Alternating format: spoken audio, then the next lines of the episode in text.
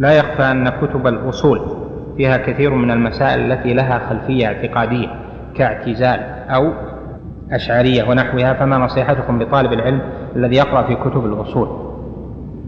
كتب الأصول أنا لا أعلم كتابا في الأصول سلم في العقيدة يعني من الكتب التي آه، تستحق أن تكون كتب أصول. في كتب للمتأخرين يعني للمعاصرين سهلة ما فيها إلا مسائل للمبتدئين ونحو ذلك لا تدخل ضمن الكلام. لكن كتب الأصول المعروفة لا تسلم من الغلط في العقيدة. لكن بعضها يكثر ككتب كتب المعتزلة كالمعتمد وغيره وبعض تلك الكتب يتوسط فيها الأغلاط تصير على منهج الأشاعرة على مذهب الأشاعرة كالمحصول وأشباهه. والبعض يكون لا بأس به يعني فيه آه، جمل كثيرة أو قليل فيه الغلط كروضة الناظر لابن قدامة وككتاب ابن النجار إيش؟ الكوكب الكوكب المنير شرح المختصر وككتاب الشوكاني الذي لخص فيه البحر المحيط يسماه إرشاد الفحول ونحو ذلك هذا فيها معلومات آه، والغلط فيها في العقيدة قليل. والحقيقة أن كتب الأصول كتبت للفن يعني لتقرير فن الأصول. والذي أراه أن طلاب العلم اليوم مقصدهم من العلم هو أن يفهموا الكتاب والسنة والأصول آلة. فكنت أتمنى ولا أزال أن يوجد مؤلف يكتب في الأصول للانتفاع به في فهم نصوص الكتاب والسنة. يعني مسائل الأصولية تعرض بتقرير ما إذا فهمه الطالب كان له أثر في فهم نصوص الكتاب والسنة في العقيدة والفقه. وهذا لو اعتنى به بعض الإخوة فإنهم سيفيدون غيرهم فيه خاصة يعني آه، من له عناية بالعقيدة وبتحرير المسائل في الفقه لأنه سيجد أن كثيرا من المسائل الأصولية ينتفع بها لا شك العالم وطالب العلم لكن قد تكون تطبيقاتها قليلة جدا والمسائل التي يكثر تطبيقها يحتاج إليها تكون في غمرة تلك المسائل. فإذا أتى عالم أو طالب علم متمكن وكتب هذه المسائل سواء في مقدمات الأصول الثلاثية أو في أركان الأصول الأربعة وبحثها فإنه سينفع لا شك الطلاب نفعا عظيما. لأن طالب العلم بحاجة ماسة جدا إلى الأصول ولكن المحتاج إليه في في العقيدة وفي الفقه. من مسائل أصول الفقه المعروفة فإنه ليس بالكثير وإنما هو يعني متوسط ليس بالكثير يعني بالأكثر. وإنما هو متوسط. فحبذا لو تحققت هذه الأمنية أعان الله الجميع على ما فيه رضا. هل من من سلب التوفيق وكان له الخذلان يستطيع أن يهتدي بما أعطاه الله من الآلات؟ هذا مبني على عدم فهم التوفيق والخذلان. يراجع معنى التوفيق والخذلان. نكتفي بهذا القدر. بارك الله في الجميع. نعم. بسم الله الرحمن الرحيم. بسم الله الرحمن الرحيم. الحمد لله حق الحمد وأوفاه وأشهد أن لا إله إلا الله وأشهد أن محمدا عبده ورسوله ومصطفاه. صلى الله عليه وعلى آله وصحبه وسلم تسليما كثيرا. اللهم إنا نسألك الهدى والتقى والعفاف والغنى ومن العمل ما ترضى. اللهم هيئ لنا من أمرنا رشدا واجعلنا من عبادك الصالحين الذين رضيت قولهم ورضيت عملهم. نجيب على بعض الأسئلة بين يدي الدرس. هل النبي عليه الصلاة والسلام يحب لذاته لأن ذاته حميدة أم يحب في الله جل وعلا لما اتصف بالنبوة والرسالة؟ هذا سؤال جيد. ونبينا عليه الصلاة والسلام جمع من الأوصاف والعلل والأسباب التي لأجلها يحب المحب من أحب جمع كل الأسباب والأوصاف فهو عليه الصلاة والسلام يحب من كل جهة يحب لله جل وعلا لأن الله جل وعلا أمر بحبه عليه الصلاة والسلام ويحب لأن الله جل وعلا اصطفاه وفضله وجعله رسولا ورحمة للعالمين ويحب عليه الصلاة والسلام لأن الله خصه بالقرآن وخصه بالآيات والبراهين وخصه بما لم يخص به الأنبياء والرسل ويحب عليه الصلاة والسلام لأجل جهاده في الله حق الجهاد ونصحه لهذه الأمة وتبليغه رسالة ربه جل جلاله.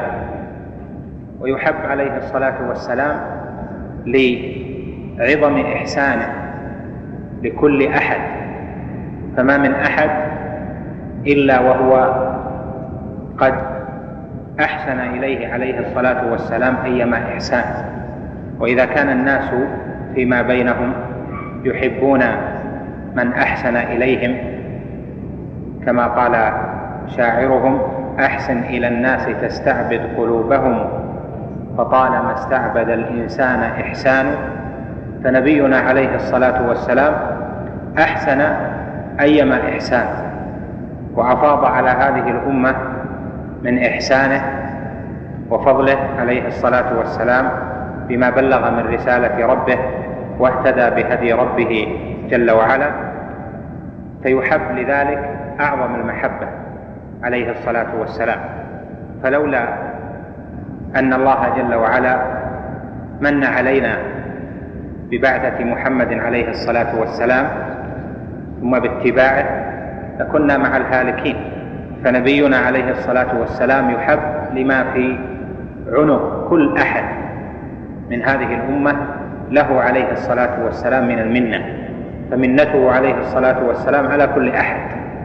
ولهذا جعل الله جل وعلا من جميل ثوابه لنبيه أن له مثل أجور أمته وكل من عمل عملا صالحا من الإيمان وشعبه فله عليه الصلاة والسلام مثل أجره.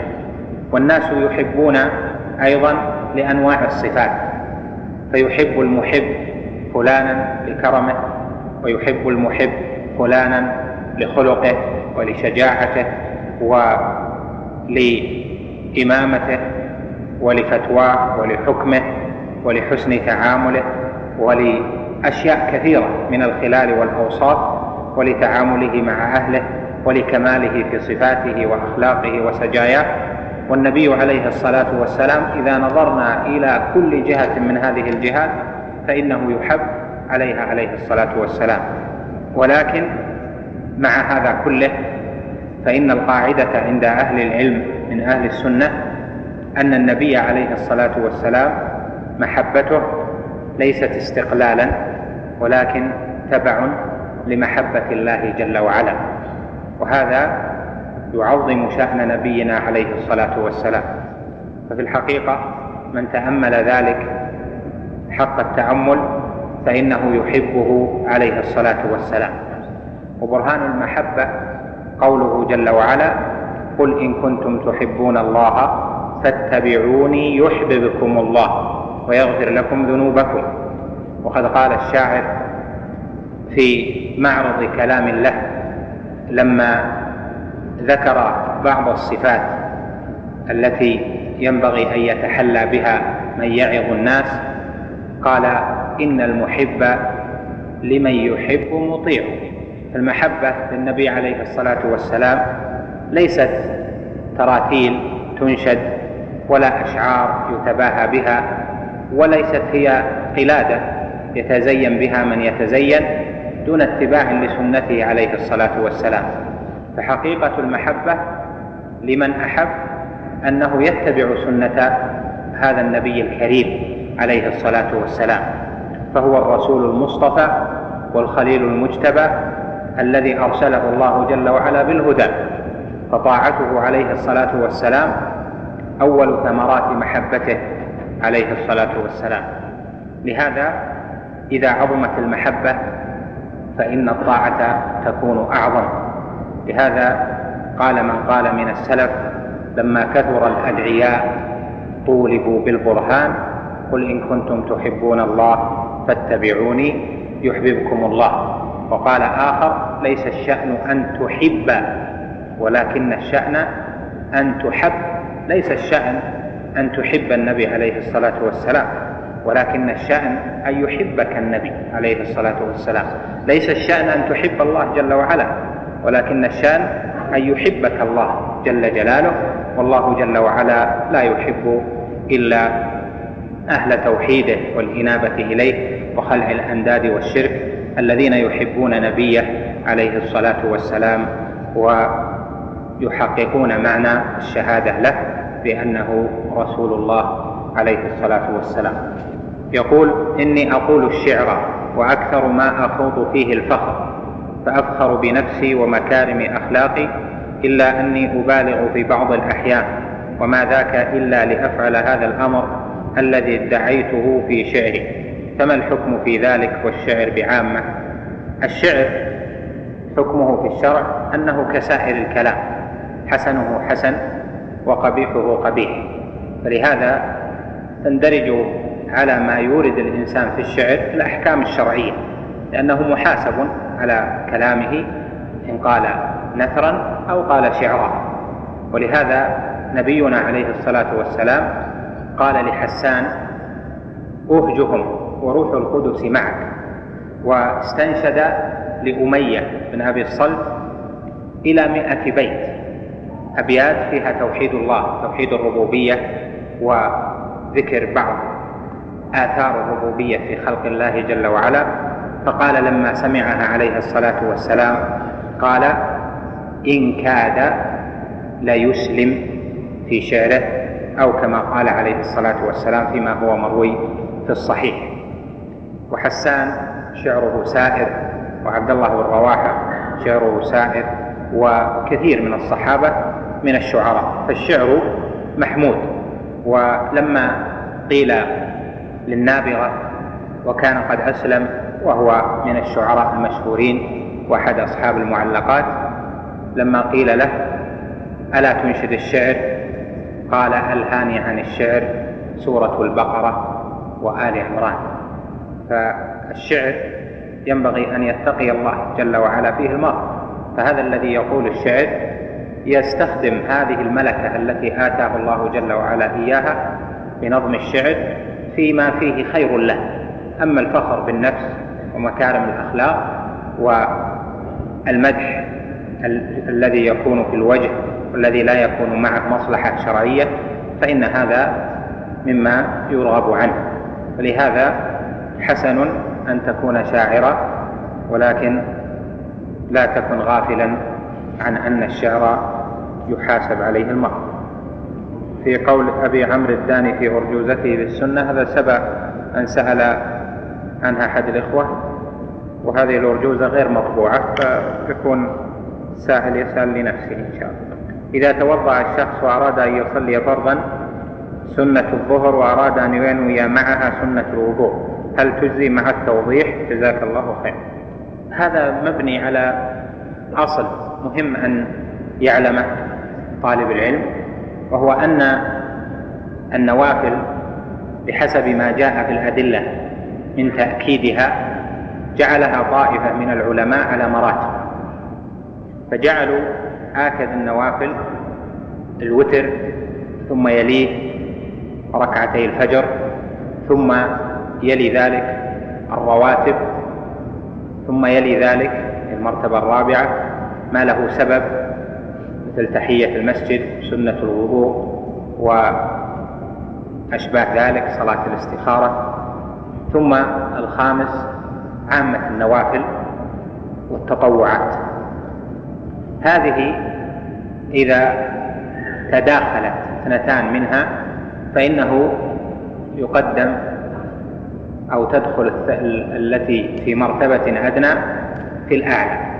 إذا أتى مثلا سنة الوضوء وصلى الراتبة فإنها تكفي عنه.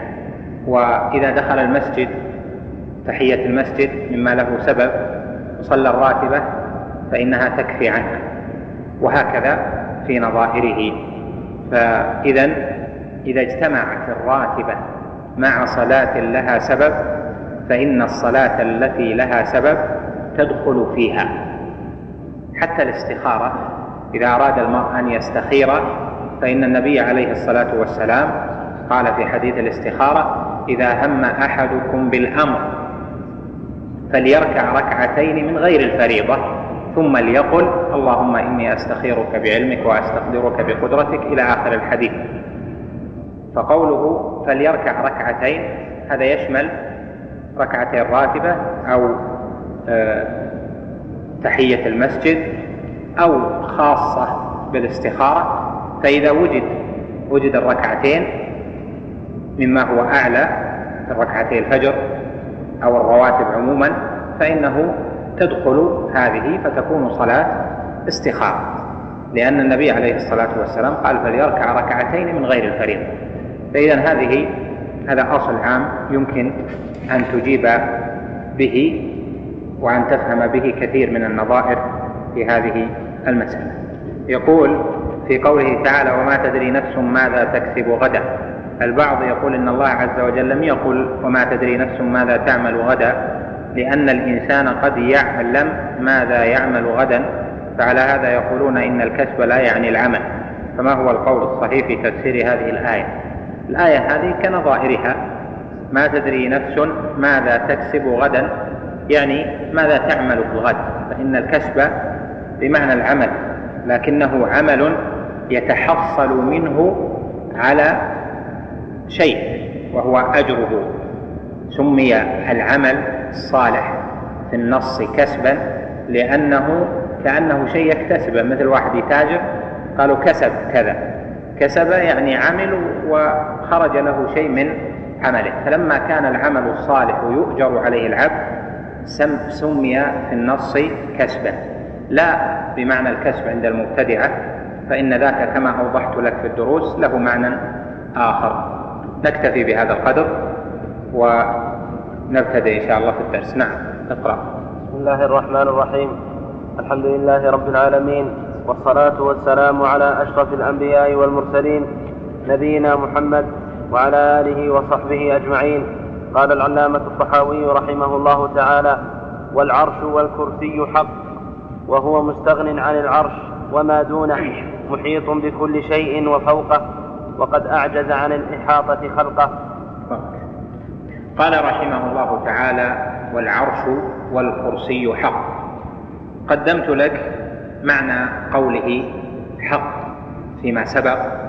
وأن معنى ذلك أن العرش والكرسي يؤمن به على ظاهره كما جاء في النصوص وأنه ليس بالباطل بل هو موجود كما وصف الله جل وعلا فهو حق ثابت لا مرية فيه. قال هنا رحمه الله والعرش والكرسي حق.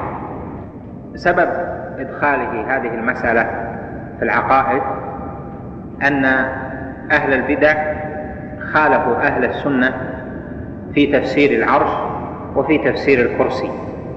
فلما كانوا مخالفين لما دل عليه الدليل وكان عليه الصحابة ومن تبعهم بإحسان رضي الله عن الصحابة ومن تبعهم فإنهم قد خالفوا في أمر غيبي. ومن خالف في أمر غيبي فقد خالف ما يجب معه عقد الإيمان لأن من سمة المؤمن بما أثنى الله جل وعلا عليه أن يعلم الغيب. قال جل وعلا في الثناء على خاصة عباده ذلك الكتاب لا ريب فيه هدى للمتقين الذين يؤمنون بالغيب. فوصف المتقين بأخص صفاتهم وهي الإيمان بالغيب. وهذه صفة أهل الإيمان جعل الله جل وعلا أهل الإيمان لا يرتابون في الكتاب.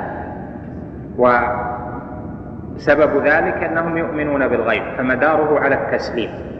لذلك فإن المخالفين للكتاب الذين عقدوا ألوية البدعة فإنهم تأولوا وحرفوا أكثر الأمور الغيبية كما سيأتي بيانه لهذا كان لإدخال الإيمان بالعرش والكرسي في هذه العقيدة المختصرة كان له مأخذه ولا شك أن الإيمان بالعرش والكرسي حق على ما جاء في ظاهر الأدلة.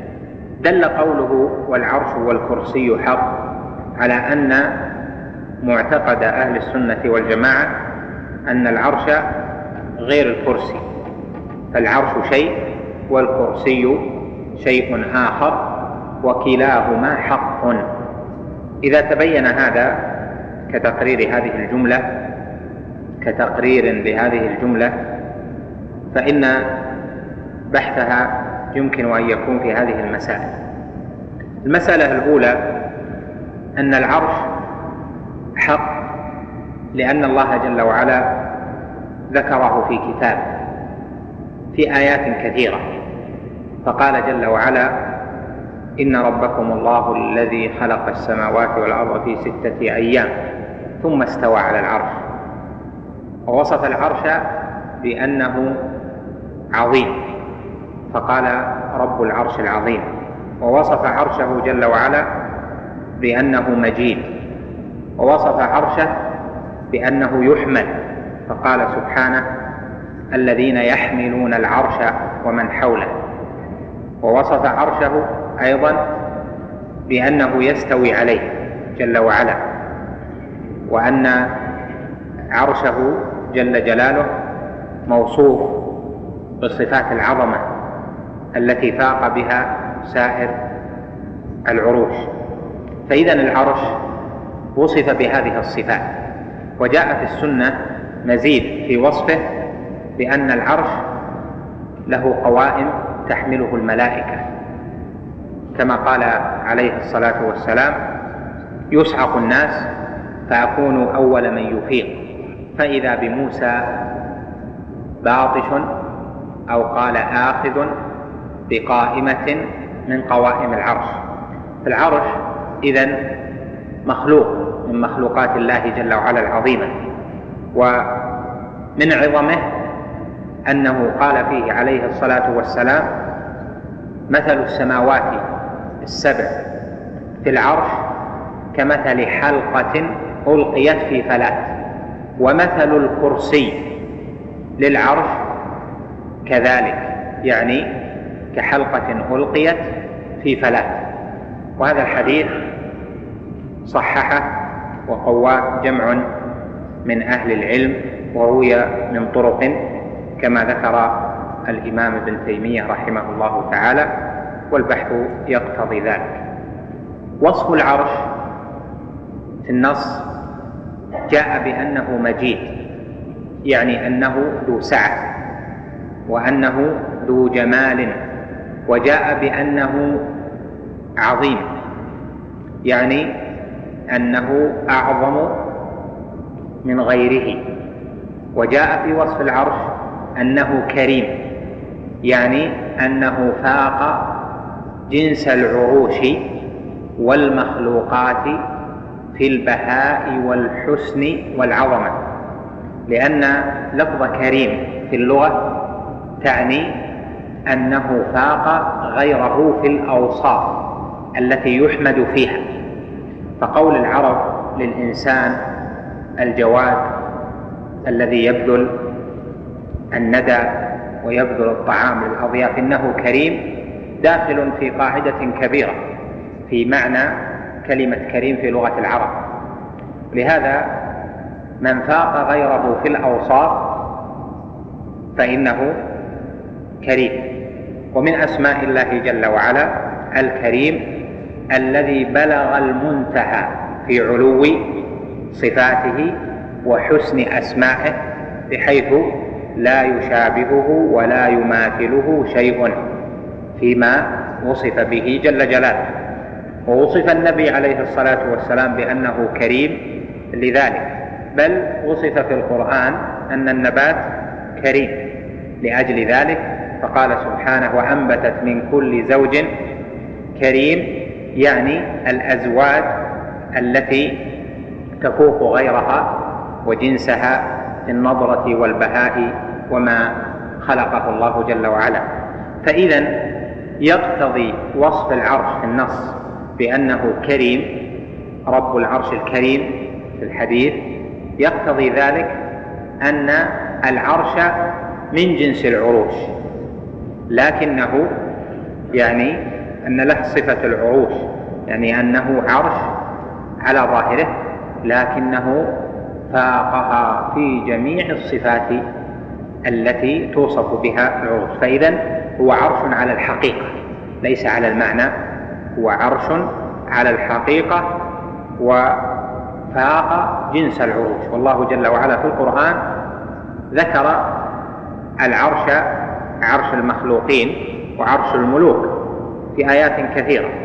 فقال مثلا في قصة يوسف عليه السلام ورفع أبويه على العرش وخروا له سجدا وقال سبحانه في وصف عرش بلقيس قال إني وجدت امرأة تملكهم وأوتيت من كل شيء ولها عرش عظيم وقال سبحانه نكروا لها عرشها ونحو ذلك. فإذا العرش هذه هذا معناه فيما جاء في الأدلة فهذا عرش الرحمن.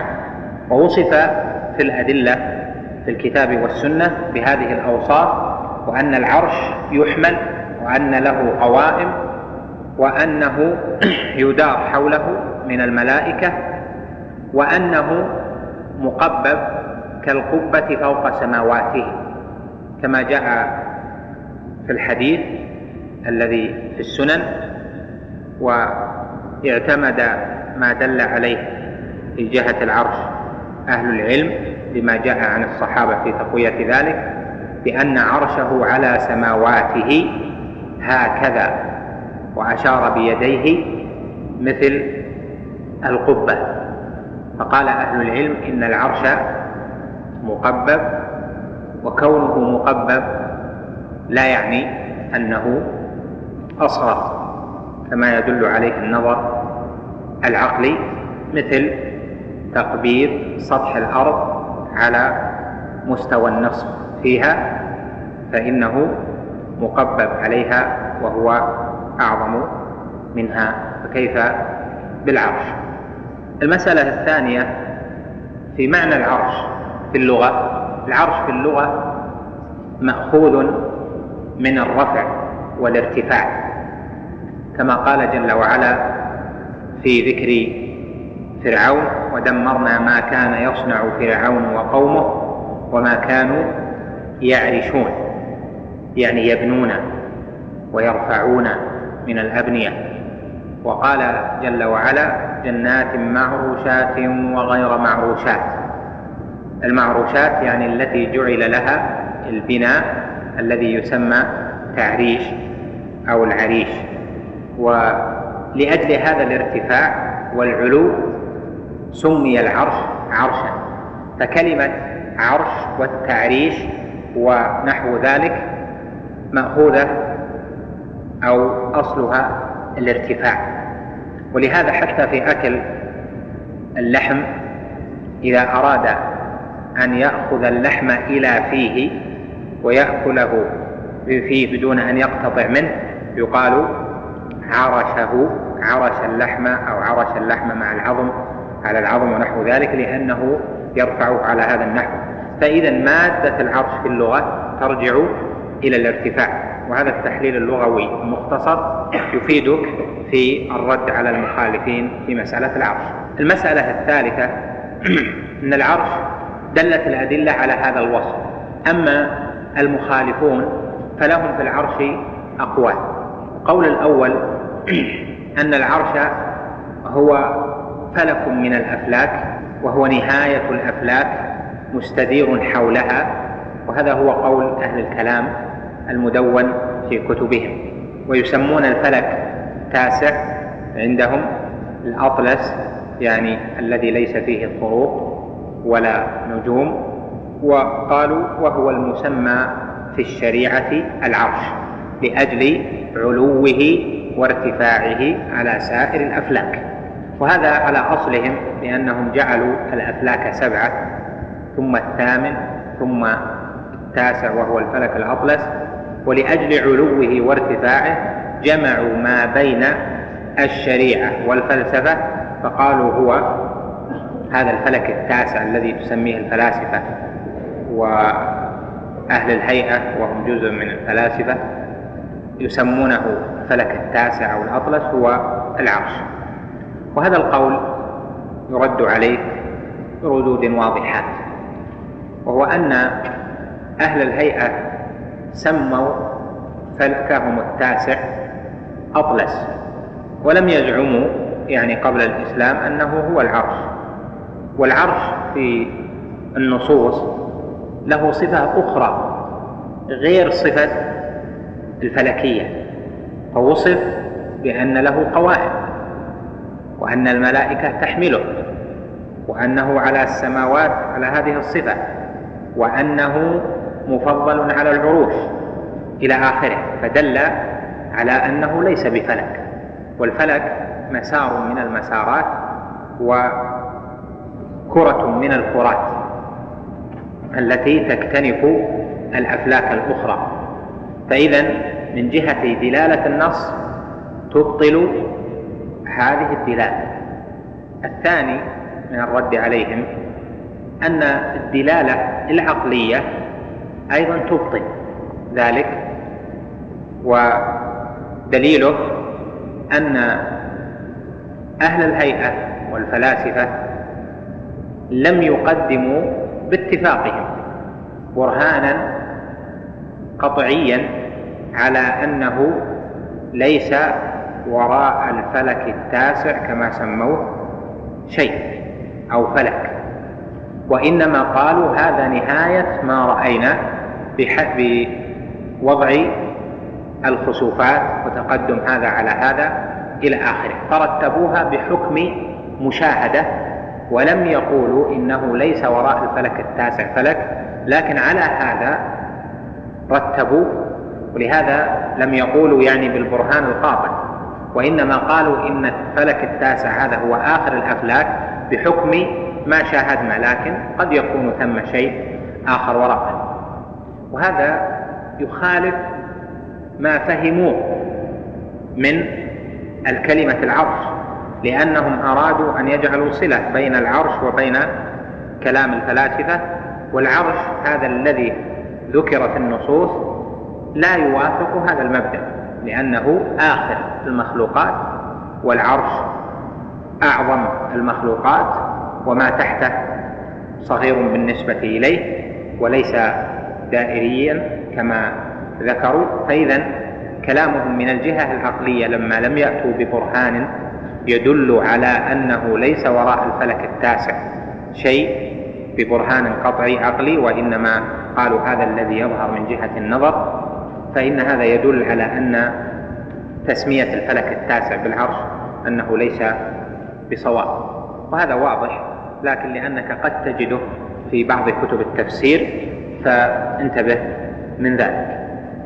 القول الثاني في العرش أن العرش هو عبارة عن الملك ولكن عبر عن الملك بالعرش لتلازمهما. فكما أن لملوك الأرض عرشا يجلسون عليه فإن الله جل وعلا جعل لنفسه عرشا وهذا العرش هو ملكه لكن من قبيل تعظيم الأمر. وهذا القول أيضا باطل ومردود لأن الملك ملك الله جل وعلا لا يوصف بتلك الصفات في الشريعة فإن الملك لا يحمل والملك ليس له قوائم والملك ليس ثم ملائكة تدور حوله ونحو ذلك والملك لا يأتي يوم القيامة محمول ويحمل عرش ربك فوقهم يومئذ ثمانية إلى آخره. أيضا الملك مرتفع معنى والعرش مرتفع حسا يعني من جهة دلالة اللغة وهذا فرق بين. القول الثالث أن حقيقة العرش هي الكرسي وأن الكرسي والعرش شيء واحد وأن الكرسي الذي وسع السماوات هو العرش. هذا قول هنا وقول في أقوال في الكرسي يأتي بيانه إن شاء الله تعالى. وهذا القول منسوب إلى الحسن البصري وهو قول ضعيف لأن الله جل وعلا وصف العرش بصفات ليست هي صفات الكرسي ثم مادة العرش غير مادة الكرسي يعني من جهة الاشتقاق ثم الآثار عن السلف هذا الوجه الثالث الآثار عن السلف متضافرة في أن العرش شيء والكرسي شيء آخر. ولهذا عطف الطحاوي العرش على الكرسي على العرش فقال والعرش والكرسي حق لأن العطف بالواو يقتضي المغايرة مغايرة الذوات بين الكرسي والعرش. أما الكرسي فإن أو قبل ذلك بالنسبة للعرش نذكر لكم كثيرا مذهب الأشاعرة والماتريدية ومن نحى نحوهم فإنهم في في العرش مضطربون. ليس لهم مذهب واضح.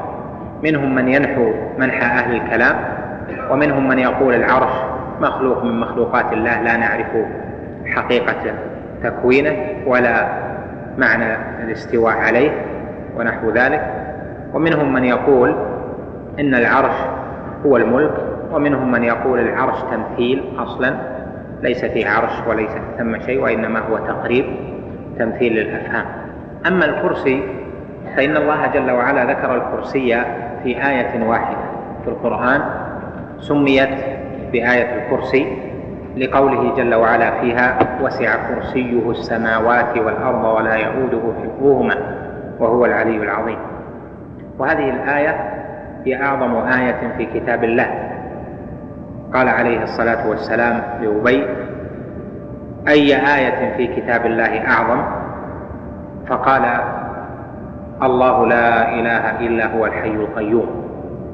فقال ليهنك العلم لأن هذا يعني أنه فقه معنى هذه الآية لأنه لا يدرك كون هذه الآية أعظم ما في القرآن إلا أنه علم معانيها ولا شك أن هذه تعني علما عظيما. وفي, وفي السنة جاء بيان حجم الكرسي بالنسبة للسماوات. بأن السماوات السبع بالنسبة للكرسي كحلقة ملقاة في فلاة من الأرض والكرسي بالنسبة إلى العرش مثل ذلك. وجاء في أثر عن ابن عباس موقوف يصح عنه موقوفا وروي مرفوعا ولا يصح مرفوعا وهو قوله عليه وهو قوله رضي الله عنه الكرسي موضع القدمين لله جل وعلا. وهذا يعني أن الكرسي مخلوق من مخلوقات الله عظيم جدا جعله بهذا العظم وأنه وسع السماوات والأرض. وأكثر من ذلك السماوات صغيرة بالنسبة لكرسي الرحمن جل جلاله. المسألة الثانية أن كلمة كرسي من جهة اللغة مأخوذة من الكرسي من الكرسي والكرس هو الجمع. الكرس هو الجمع في اللغة ويقال للكرسي المعروف إنه كرسي لأجل أن أعواده تجمع على هيئة ما. فالكرسي يختلف عن المقعد الآخر بأنه أعواد مجموعة في اللغة. ومنه سمي أيضا العلماء كراسي لأجل أنهم جمعوا العلم لأجل معنى الجمع. وأيضا قيل للورق المجموع على نحو ما كراسة لأنها أوراق جمعت. فمادة الجمع مادة الكرس تعود إلى الجمع. ويقال تكرس فلان بالشيء إذا جمعه أو تكرس فلان الشيء إذا جمعه إلى صدره أو جمعه إليه. فإذا مادة الكرسي مأخوذة من الجمع وهذا يدل على أن كرسي الرحمن جل جلاله وتقدست أسماؤه له من الصفات العظيمة ما يختلف به عن صفة العرش. لأن الله جل وعلا سمى العرش عرشا هذه لها دلالتها في اللغة وسمى الكرسي كرسيا وهذه لها دلالتها في اللغة. المسألة الثالثة في الأقوال في الكرسي الناس لهم في الكرسي أربعة أقوال. يعني غير أهل السنة. أما القول الأول فهو قول الحسن وأن الكرسي هو العرش وهذا قول ضعيف الآثار ترده كما ذكرت لك. القول الثاني أن الكرسي لما ذكر في آية واحدة هي آية الكرسي في سورة البقرة أنه تمثيل. وأنه ليس ثم حقيقة للكرسي ولكن هو تمثيل لتقريب عظمة الله جل وعلا. وهذا هو قول الذين ينفون كثير من الصفات التي تدل على عظمة الله وقدرته كقوله والأرض جميعا قبضته يوم القيامة والسماوات مطويات بيمينه ونحو ذلك. فيقولون إن هذا كل إن هذا كله تخيل بل قالوا إن كل نص جاء في الكتاب والسنة من هذا القبيل فإنه لأجل التخيل لا تقصد حقائقه وإنما المقصود تعظيم الناس لله جل وعلا وإلا فهذه ليست على حقائقها. وهذا القول معروف من أقوال المعتزلة وطائفة من الأشاعرة ومن المعاصرين قرره في تفسيره سيد قطب في ظلال القرآن وجعله قاعدة كلية في آخر سورة الزمر عند قوله تعالى والأرض جميعا قبضته يوم القيامة والسماوات مطويات بيمينه في الحقيقة إن القول بأن هذا كله على جهة الإلغاء لكل الدلالات الشرعية للألفاظ وإلغاء لكل الغيبيات لأنه يكون المقصود في كل هذا التمثيل. وهذا القول قدمه الزمخشري في الكشاف وكأنه يميل إليه وعلى قاعدتهم في أن كل النصوص من هذا الباب على وجه التوهم والتخيل. وهذا القول كما ذكرت لك غلط عظيم لأن معناه نفي كل الأمور الغيبية هذه على هذه القاعدة فما كان من الأمور الغيبية يدل على عظمة الله وكان فيها تمثيل بأشياء موجودة عند البشر فتنفى ويكون المقصود التمثيل للحقيقة. القول الثالث أن الكرسي هو العلم فكرسي الرحمن جل وعلا هو علمه. وقوله وسع كرسيه السماوات والأرض يعني وسع علمه السماوات والأرض. وهذا القول مروي عن ابن عباس ولكن الصحيح عن ابن عباس خلاف هذا القول. ويرد على هذا القول بأمور. الأول منها أن مادة الكرسي للجمع والعلم شيء آخر. هذا من جهة اللغة. والثاني أن الله جل وعلا ذكر أن الكرسي وسع السماوات والأرض ولكن علمه جل وعلا وسع كل شيء. قال سبحانه ربنا وسعت كل شيء رحمة وعلما. وقال جل وعلا والله بكل شيء عليم.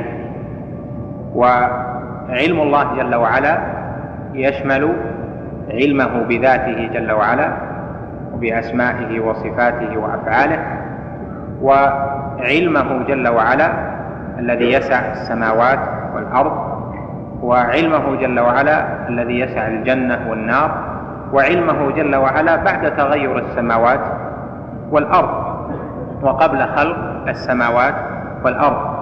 فإذا تفسير الكرسي بأنه العلم هذا يضاد أن العلم يسع كل شيء وسعت كل شيء رحمة وعلما وأما كرسي الرحمن جل وعلا فقال وسع كرسيه السماوات والأرض. الجواب الثالث أن قولهم إن الكرسي هو العلم وأن مادة تكرس راجعة للعلم والعلماء سموا كراسي لأجل العلم ونحو ذلك من الاحتجاجات واحتجاجهم بقول الشاعر يصف خنصه لفريسته قال فلما احتازها تكرس يعني قالوا يعني علم.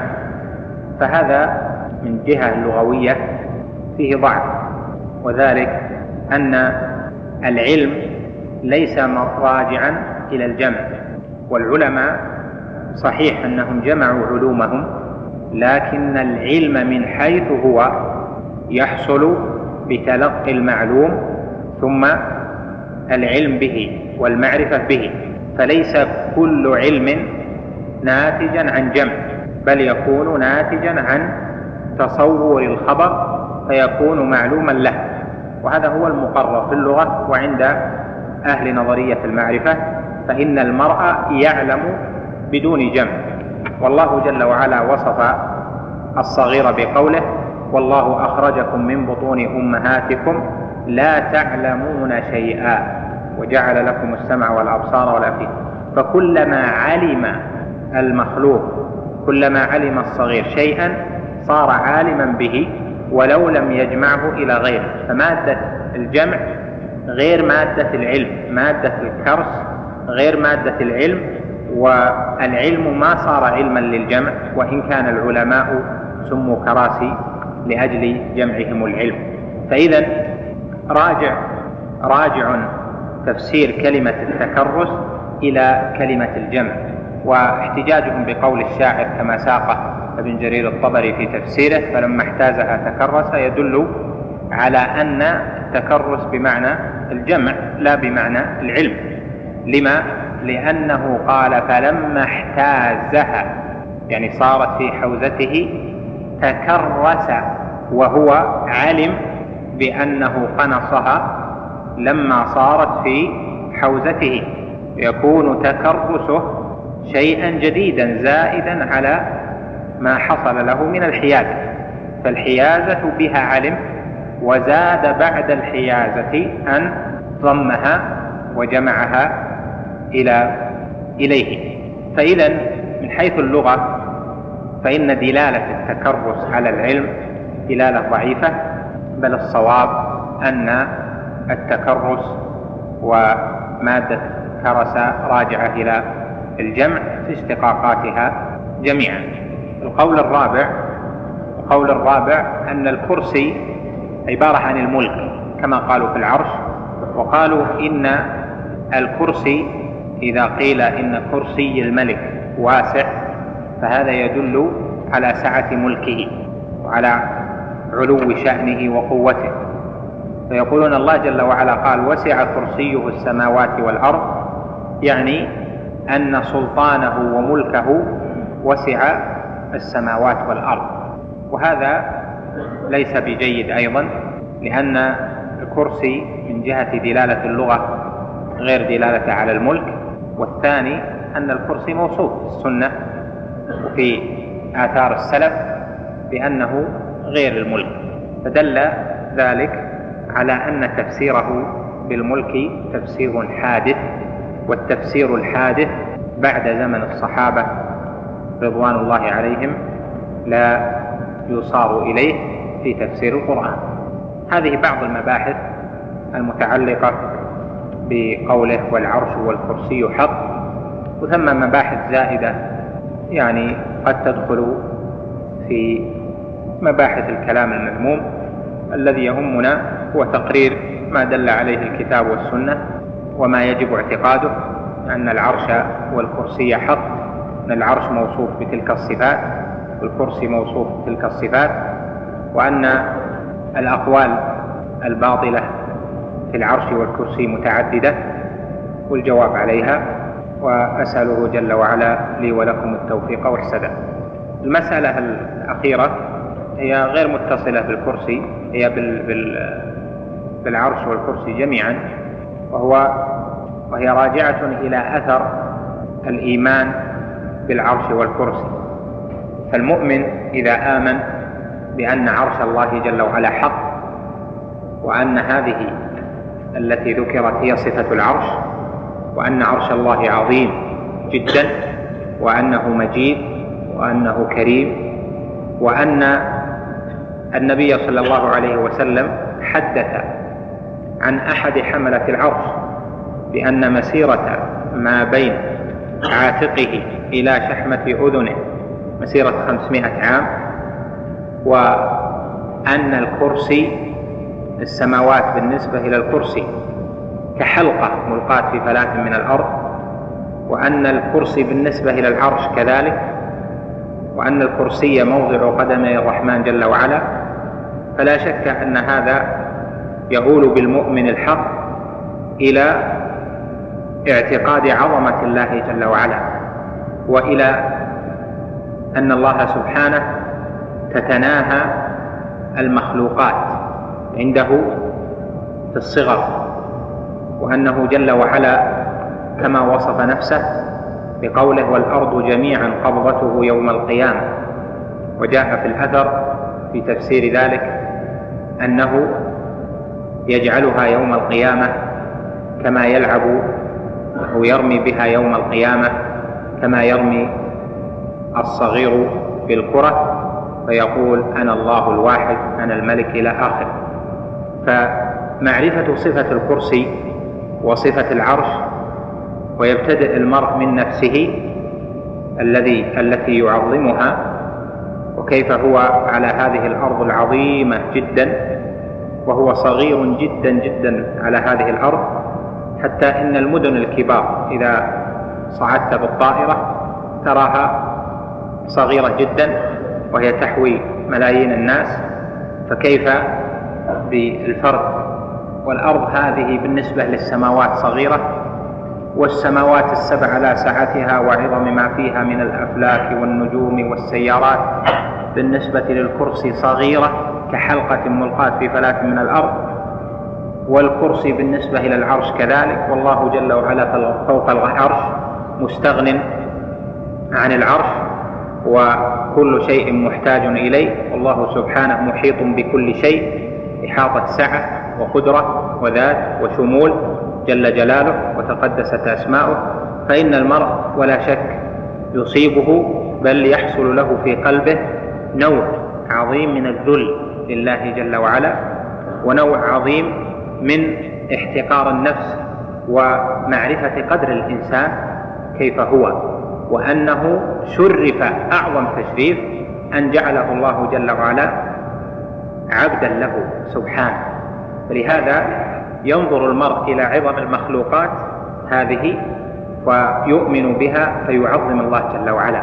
حقيقة الإيمان بأسماء الله جل وعلا وبصفاته يثمر ثمرات عملية في القلب من وجل القلوب وإجلاء من إجلال الله جل وعلا وحب القلوب لجمال الله جل وعلا وأنواع ما يحدث في القلب من الإيمان ومدارج الإيمان التي تتصل بالإيمان بالأسماء والصفات. كذلك الإيمان بالجنة والنار كذلك الإيمان بالعرش والكرسي لمن تأمله فإنه يجعل القلب خاضعا لربنا جل جلاله ويجعل القلب مخبتا منيبا لله جل وعلا. فإن غفل جاءه تعظيمه وإيمانه وعقيدته بالإنابة السريعة بالاستغفار الحق. إذا حين نبحث هذه المباحث في العقيدة ليست كما يبحثها أهل الكلام المذموم في كونها أشياء لا ثمرة لها على الإيمان والعمل الصالح وتعبد المرء لله جل وعلا. فإن كل شيء وصفه الله جل وعلا لنا من الأمور الغيبية لم يقصد إيماننا به واعتقادنا له من جهة الوجود دون جهة الإيمان وما يثمر منه. بل قصد الإيمان به يعني بوجوده وأثر الإيمان الذي يحدثه في النفس لأن المقصود إصلاح القلوب لله جل وعلا. وأنت سمعت قول أولئك من المعتزلة وطوائف من المبتدعة إن هذه الأشياء تمثيل لأجل إصلاح الناس وإيمانهم بعظمة الله جل وعلا. والواقع أننا إذا قلنا بما جاء في الأدلة من الكتاب والسنة فإنها في تحصيل الإيمان وفي إحداث الإيمان في النفوس وتقوية الإيمان أعظم من أن تكون للتمثيل لأن ذكرها على الحقيقة وعلى هذه الصفات يجعل المرء على الحقيقة يتصور كيف هذه المخلوقات جميعا والأرض هذه الكبيرة وما فيها ثم السماوات ثم الكرسي بعد ذلك ثم العرش ثم ملائكة ثم الملائكة الحافين من حول العرش. لا شك يحدث له أنواع من الإيمان والوجل والخوف وحب الله جل وعلا وتعظيمه والإنابة إليه وهذا لا شك كله من المقاصد الشرعية. فإذا الإيمان بهذه يحتاج منك إلى تأمل وتدبر في أن تعمل في قلبك هذه الأشياء تتذكر عظمة الله جل وعلا عسى الله جل وعلا أن يجعلني وإياك من الناجين.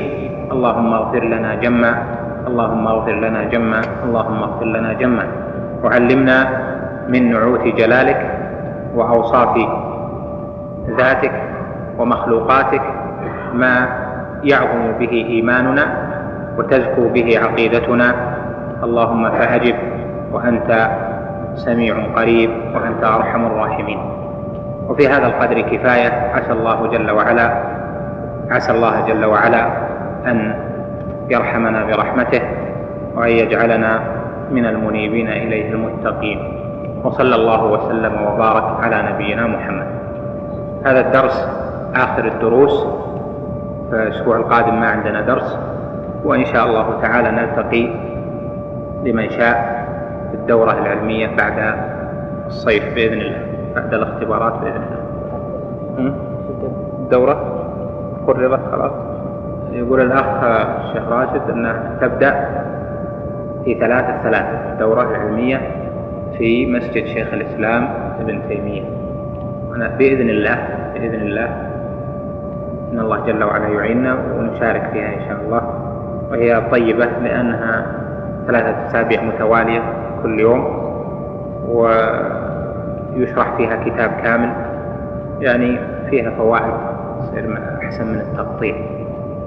فلذلك أوصي الأخوة بالحضور لعلهم ينتفعون. نعم. خلص الحاوية. وراي مبارك إن حددنا لهم كتاب فضل الإسلام لإمام الدعوة.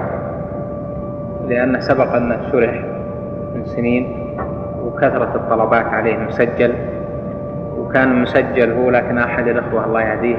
أنا شحيح ما أعطي أحد لكن ألحها فأخذها فوضعها في السيارة في الشمس فخرب راحت. والكتاب مهم لأنه كتاب علم وسنة ومنهج كتاب فضل الإسلام. نشوف نتأمل. كانت المصلحة في إكمال هذا. أكملنا إن شاء الله. نكتفي بهذا القدر. لا تنسونا من صالح الدعاء. بسم الله الرحمن الرحيم. الحمد لله حق حمده وأشهد أن لا إله إلا الله وحده لا شريك له تعظيما لمجده وأشهد أن محمدا عبده ورسوله ومصطفاه وخليله صلى الله عليه وعلى آله وصحبه وسلم تسليما كثيرا. أما بعد فأسأل الله جل وعلا لي ولكم العلم النافع والعمل الصالح وأن يجعلنا من حملة العلم ومحصليه الذين نفعهم العلم فحازوه وبثوه وعلموه وجاهدوا فيه.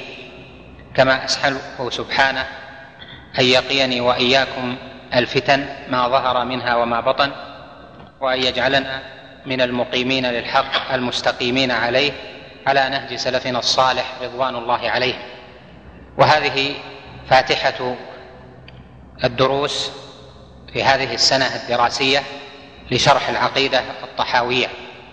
ولا شك أن الجميع ممن يهتمون بعلم التوحيد والعقيدة لأنه أساس العلوم ولأن العلم به يحتاج إليه في كل علم آخر.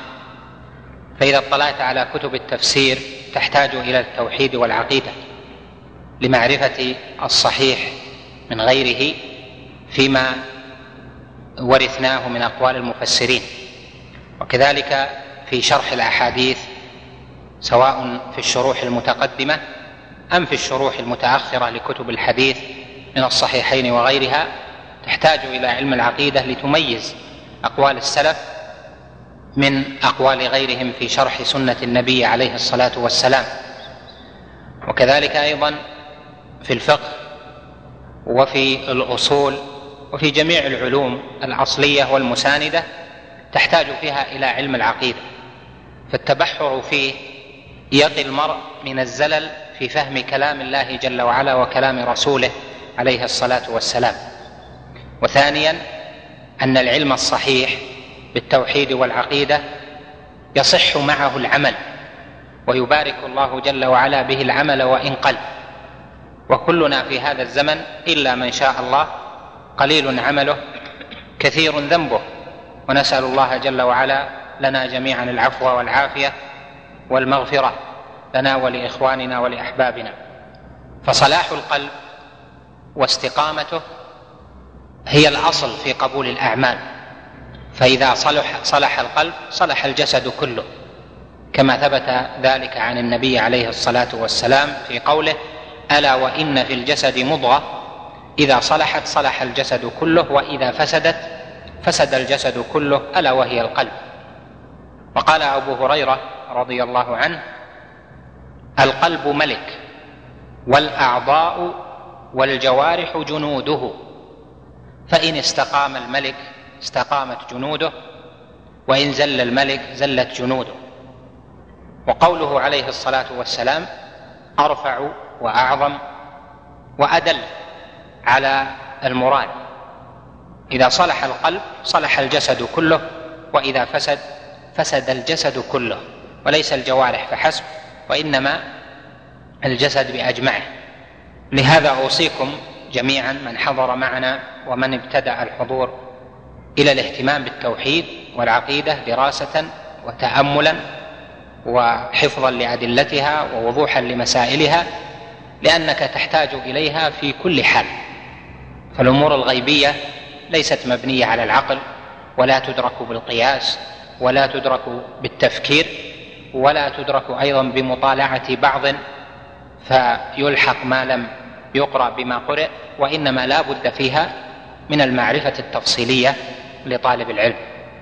نبتدئ الدرس ونتركها إلى أن تجتمع الأسئلة إن شاء الله تعالى. كان العادة اننا نقدم بمقدمة في الدروس المنهجية آه، في فاتحة الفصل لكن لما تأخرنا سبقه محاضرة الأسبوع الماضي بعنوان من ثمرات العلم. فيمكن أن تجعل مقدمة لهذه الدروس. نعم اقرأ. بسم الله الرحمن الرحيم. الحمد لله رب العالمين والصلاة والسلام على أشرف الأنبياء والمرسلين نبينا محمد وعلى آله وصحبه أجمعين. قال العلامة الطحاوي رحمه الله تعالى وهو مستغن عن العرش وهو مستغن عن العرش وما دونه محيط بكل شيء وفوقه وقد أعجز عن الإحاطة خلقه ونقول إن الله اتخذ إبراهيم خليلا وكلم الله موسى تكليما إيمانا وتصديقا وتسليما. بارك الله فيك. قال العلامة الطحاوي في هذه النبذة المختصرة في وصف الله جل وعلا قال وهو مستغن عن العرش وما دونه محيط بكل شيء وفوقه. وقد أعجز عن الإحاطة خلقه.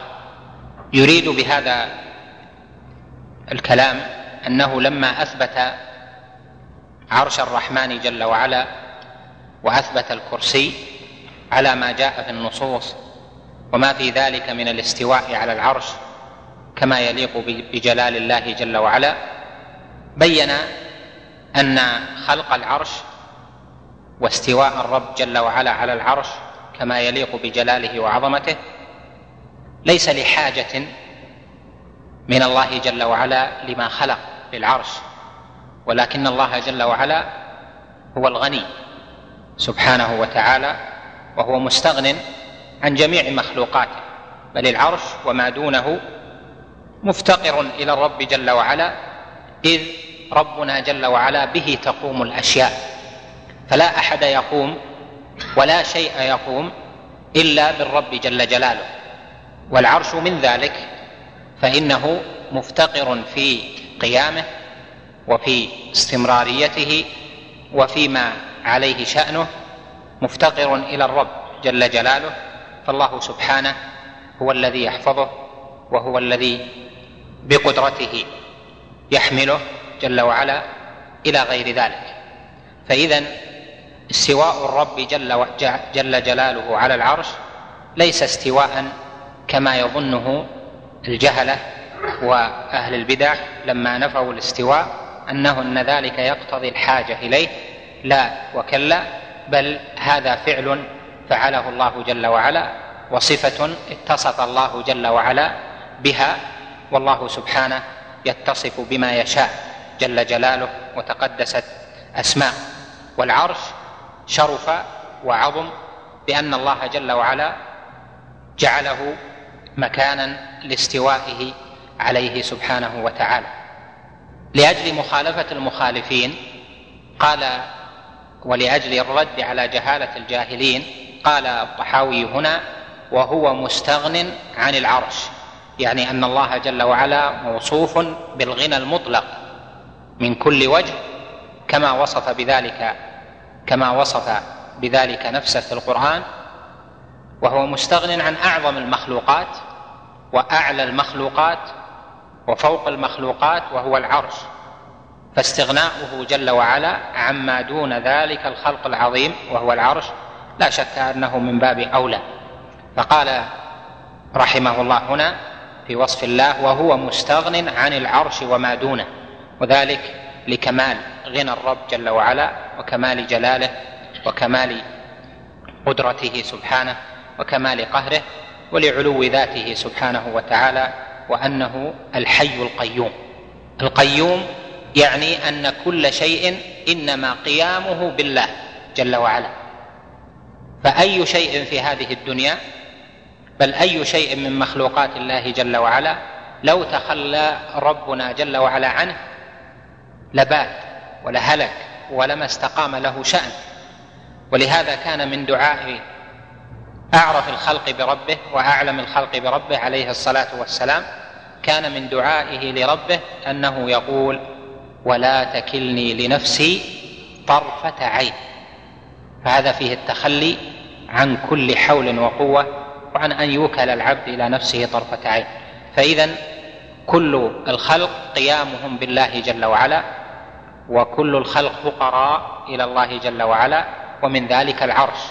والرب سبحانه هو الغني الحميد المستغني عن كل ما عداه والمفتقر إليه كل شيء سبحانه وتعالى. قال محيط بكل شيء وفوقه. يعني أن الرب سبحانه وتعالى موصوف بإحاطته بكل شيء وأنه سبحانه فوق كل شيء. وهذه الأحاطة يأتي بيانها بالتفصيل ومعناها أن الرب جل وعلا محيط بصفاته بكل شيء بعظمته جل وعلا وبقدرته وبعلمه فهو سبحانه بكل شيء محيط.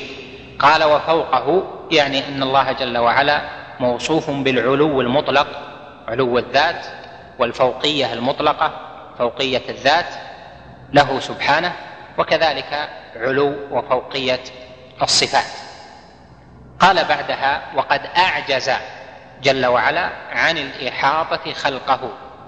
يعني أن الله جل جلاله لعظم قدرته ولكماله في غناه لا أحد ولا شيء يحيط به كما قال جل وعلا لا تدركه الأبصار وهو يدرك الأبصار. وقال جل وعلا لموسى إنك لن قال لن تراني. في آية الأعراف قال لن تراني. ولكن انظر إلى الجبل فإن استقر مكانه فسوف تراني. فإحاطة الرؤية بالله جل وعلا ممتنعة. وإحاطة العلم بالله جل وعلا ممتنعة. وإحاطة القدرة لله جل وعلا ممتنعة. فالعباد إذن مهما بلغ شأنهم فيما أعطاهم الله من القوة فإنهم أحقر وأضعف وأذل لله جل وعلا من أن يحيطون به جل وعلا علما أو يحيطون به جل وعلا وصفا أو يحيطون به جل وعلا قدرة إلى آخر إلى آخر ذلك. بل هو سبحانه المتصف بصفات الكمال. وهذا من الطحاوي رحمه الله تقرير لعقيدة عظيمة من عقائد أهل السنة والجماعة مخالفة للمعتزلة والخوارج والرافضة والأشاعرة وطوائف كثيرة من الصفاتية ومن غيرهم. وفي هذه الجملة مسائل لبسط الكلام عليها. المسألة الأولى قوله وهو مستغن عن العرش مستغن من الغنى وهو عدم الحاجة.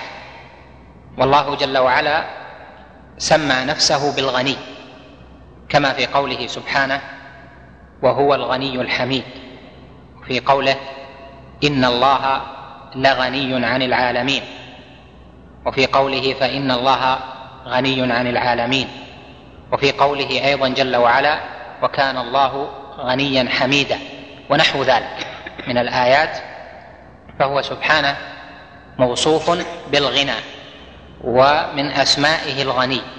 ومعنى هذا الاسم الذي هو من أسماء الجلال لله جل وعلا ومن أسماء الجمال لله جل وعلا.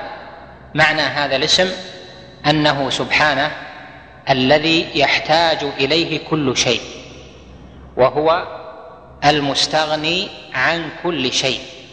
وهذا الغنى غنى في القهر فإن الله سبحانه لا يحتاج إلى معين ليقهر من شاء ويذل من شاء كما أنه غنى في الملك فالله سبحانه غني عن أن يعينه أحد في تدبير ملكه ولكن يشرف من شاء من عباده ببعض ما يقومون به من عمل في ملكوت الله جل وعلا كما يشرف الملائكة وبعض عباده الصالحين.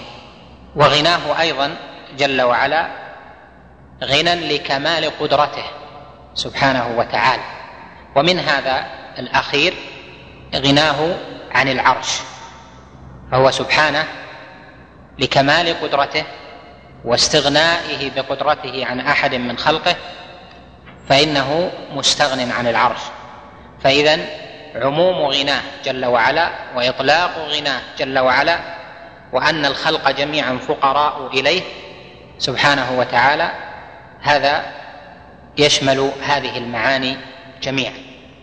المسألة الثانية استغناؤه جل وعلا عن العرش وما دونه يقتضي أن العرش وما دونه محتاج إليه ومفتقر إلى الرب سبحانه وتعالى. وهذا له جهتان. الجهة الأولى أن العرش وما دونه مفتقر لله جل وعلا لأنه لا قوامة له ولا قيام له بنفسه فهو محمول له قوائم كما مر معنا في وصفه وهو محمول والذي يحمله خلق سخرهم الله جل وعلا لحمله. وأقدرهم على ذلك. فقدرتهم في حمل العرش واستقراره وفي بقائه وقيامه إنما هو بقدرة الله جل وعلا. فهذا نوع من الحاجة. والثاني أو الجهة الثانية من افتقار العرش وما دونه إلى الله جل وعلا أن كل شيء عبد لله جل وعلا. ومن ذلك العرش. فالعرش من مخلوقات الله التي تعبده وتسبحه وتذل له جل وعلا وكذلك حملة العرش وكذلك من في السماوات ومن في الأرض وكذلك ما في السماوات وما في الأرض. وقد قال جل وعلا إن كل من في السماوات والأرض إلا آتي الرحمن عبدا.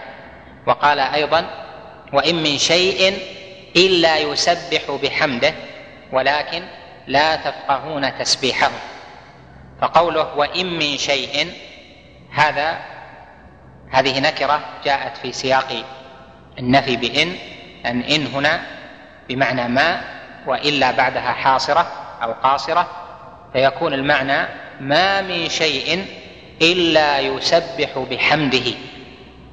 والعرش شيء وتسبيحه بحمد الله جل وعلا نوع من الذل والعبودية له سبحانه وتعالى والعبودية والذل معنى من معاني الافتقار إلى الرب جل جلاله وتقدست أسماء اسماء وفي هذا تنبيه للعباد بعامة أن هذا المخلوق العظيم الذي الكرسي بالنسبة إليه كالحلقة الملقاة في فلاه من الأرض والكرسي السماوات السبع بالنسبة إليه كما جاء في كلام أهل السلف كدراهم سبعة ألقيت في ترس أو كحلقات ألقيت في ترس والأرض صغيرة بالنسبة للسماوات فإن هذا يعني أنك أيها العبد أيها الإنسان المخلوق الضعيف الذي تعرف ضعفك تنظر إلى العرش الذي هو مفتقر إلى الله جل وعلا مسبح ذال منيب إلى ربه جل وعلا كيف أنه لا يستغني عن مولاه وكيف أنه يسبح ويحمد ويذل لله جل وعلا. فهذا المخلوق الضعيف جدا الذي هو الإنسان وابتلي بالتكليف لا شك أنه أولى بالذل لله لأنه ضعيف جدا. ومفتقر للغاية. فإذا النظر إلى العرش وفقر العرش إلى الله جل وعلا وأن قوامة العرش على عظمه وعظم خلق السماوات وقلة وقله أو ضعف نسبة خلق السماوات إلى العرش جدا كيف الإنسان ينظر إلى نفسه لا شك أنه يستفيد من هذا في قلبه وعمله. أنه أولى بالافتقار إلى الله وأولى بالذل إلى الله وأولى بالعبودية لله جل جلاله وتقدست أسماءه. وهذا من ثمرات التفكر الشرعي والنظر في ملكوت السماوات والأرض والنظر أيضا فيما ذكر الله جل وعلا في كتابه من أنواع خلقه التي لم نرى ومنها عرشه جل جلاله وتقدست أسماءه. المسألة الثالثة قول المؤلف هنا في وصف الرب جل وعلا محيط بكل شيء وفوقه. محيط هذا الوصف الإحاطة قد جاء وصف الله جل وعلا به في القرآن في عدة آيات كما في قوله سبحانه في آخر سورة فصلت ألا إنهم في مرية من لقاء ربهم ألا إنه بكل شيء محيط. وكذلك في قوله ولله ما في السماوات وما في الأرض وكان الله بكل شيء محيطا. وكذلك في قوله جل وعلا والله من ورائهم محيط ونحو ذلك. والإحاطة في اللغة هي الإتيان للشيء من جميع جهاته. يعني من جميع الجوانب يكون مطوقا. كما في قوله تعالى وأحاط بهم سرادقها يعني جاءهم من كل جهة. وتفسير إحاطة الله جل وعلا بكل شيء السلف والمفسرون منهم من يمضي وهم الأكثر عن الدخول في هذا الوصف لوصف الإحاطة إحاطة الله جل وعلا بكل شيء. وكأنهم هربوا من أن يظن أن الإحاطة إحاطة ذات. كإحاطة الفلك بما فيه وإحاطة السماوات بالأرض ونحو ذلك. ولا شك أن معنى إحاطة الذات ليس مرادا فإن الله جل وعلا فوق مخلوقاته والمخلوقات صغيرة بالنسبة لذات الله جل وعلا وجلاله سبحانه. لهذا اعرضوا عن الخوض في تفسيرها.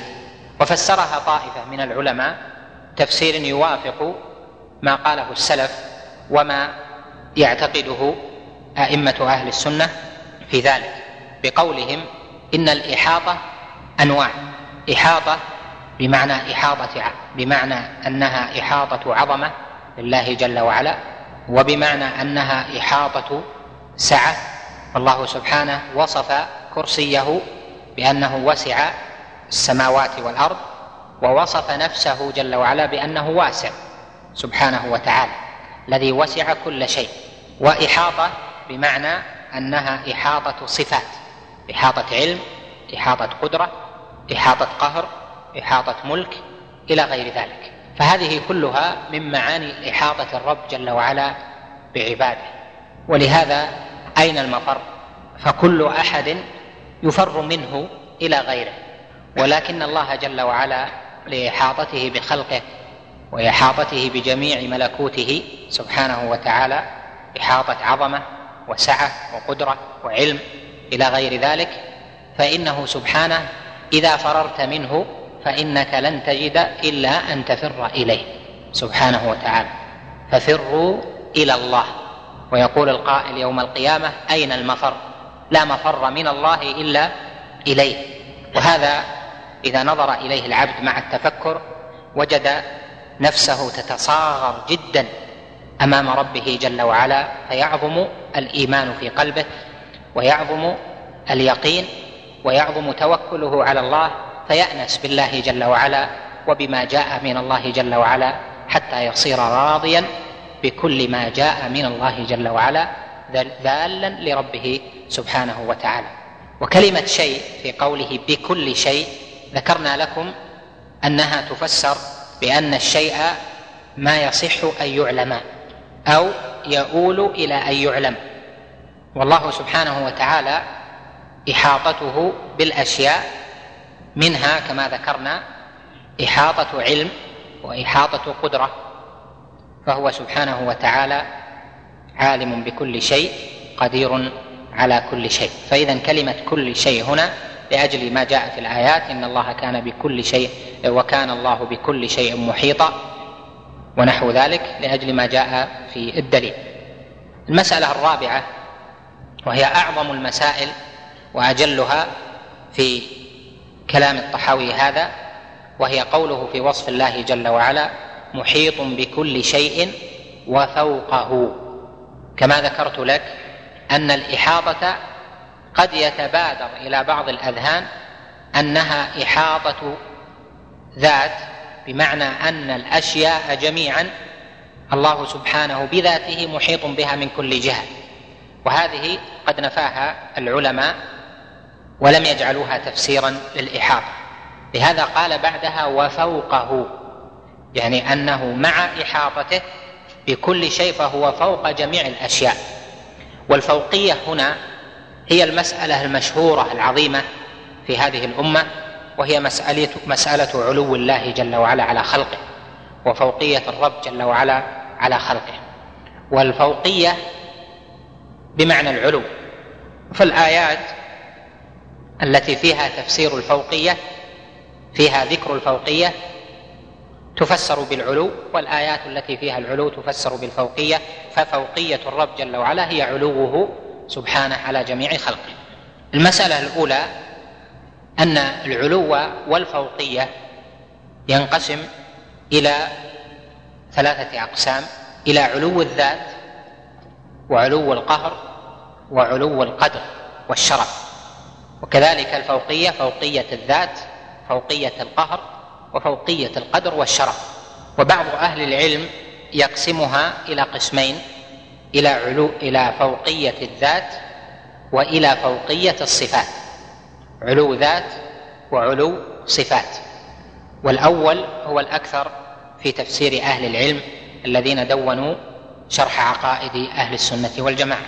ومعنى علو الذات وفوقية الذات أن الله جل وعلا فوق جميع الأشياء وأنه الأعلى سبحانه. وهذا هو الذي فسره به عليه الصلاة والسلام. تفسر الآية وهي آية سورة الحديد هو الأول والآخر والظاهر والباطن. فسر الظاهر فقال وأنت الظاهر فليس فوقك شيء سبحانه وتعالى. وفوقية القهر وعلو القهر يعني أن أنه سبحانه وتعالى لا يغلب ولا يرام جنابه بل هو سبحانه وتعالى هو الذي يقهر من عداه يملي ويستدرج ويقهر ويأخذ على غرة. وكذلك أخذ ربك إذا أخذ القرى وهي ظالمة إن أخذه أليم شديد. فهو سبحانه عال علو القهر وهو فوق خلقه فوقية قهر وجبروت وعظمة للمولى جل جلاله. والثالث علو فوقية القدر. وهذا المعنى هو الذي يثبته المبتدعة من العلو. فلا ينازعون في علو القهر والقدر والشرف. فيقولون معنى الله فوق خلقه كقول القائل الملك فوق شعبه أو الأمير فوق رعيته يعني من جهة قدره وكقولهم العالم فوق عامة الناس من جهة القدر وكقول القائل الذهب فوق الحديد يعني من جهة المنزلة والقدر. وهذا تفسير ناقص كما سيأتي في هذه المسائل إن شاء الله تعالى. المسألة الثانية يعني دخل بعضها في بعض ما يخالف. لأنها جميعا متعلقة بالفوقية. العلو والفوقية لله جل وعلا ثابت بدليل القرآن والسنة والعقل والفطرة.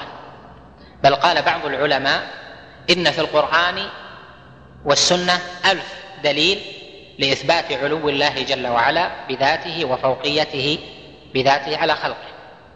وهذا يعني أن أمر العلو ومسألة العلو والفوقية من المسائل المتواترة العظيمة التي دلالتها صريحة بل دلالتها نصية فدلالتها إذا قطعية.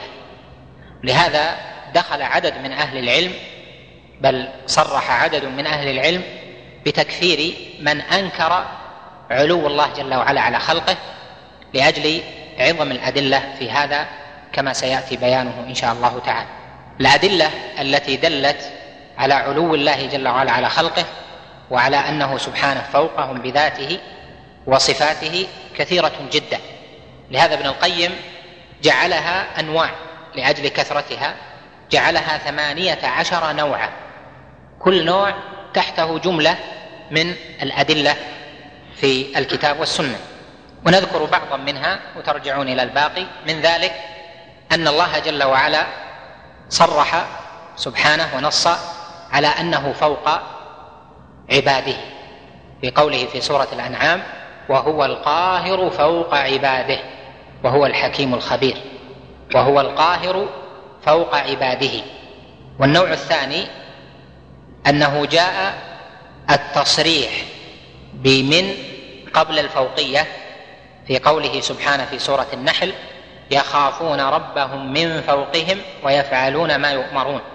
ومن مقتضيات اللغة أن مجيء من قبل الظرف فوق تدل بظهور على أن الفوقية فوقية ذات. لأن فوقية الصفة أو القهر أو القدر لا يؤتى فيها بمن لا يقال الذهب من فوق الحديد ويعنى به في صفاته أو الملك من فوق الرعية ويعنى بها من الصفات. إذا أتي بمن في اللغة قبل الظرف فوق فإنها تدل على فوقية المكان أو فوقية الذات لله جل وعلا. يعني فوقية الذات لأي شيء وفي الآية فوقية الذات لله جل وعلا. فإذا قوله سبحانه لما وصف الملائكة بأنهم يسكنون السماء وأنهم يسبحون قال يخافون ربهم من فوقهم يعني الذي هو فوقهم بذاته جل وجلاله وتقدست اسماء النوع الثالث أنه سبحانه ذكر أن الملائكة تعرج إليه فقال سبحانه تعرج الملائكة والروح إليه في يوم كان مقداره خمسين ألف سنة. أخي المستمع الكريم تابع ما تبقى من مادة هذا الشريط على الشريط التالي. مع تحيات تسجيلات الراية الإسلامية بالرياض. هاتف رقم أربعة تسعة واحد واحد تسعة ثمانية خمسة. والسلام عليكم ورحمة الله وبركاته.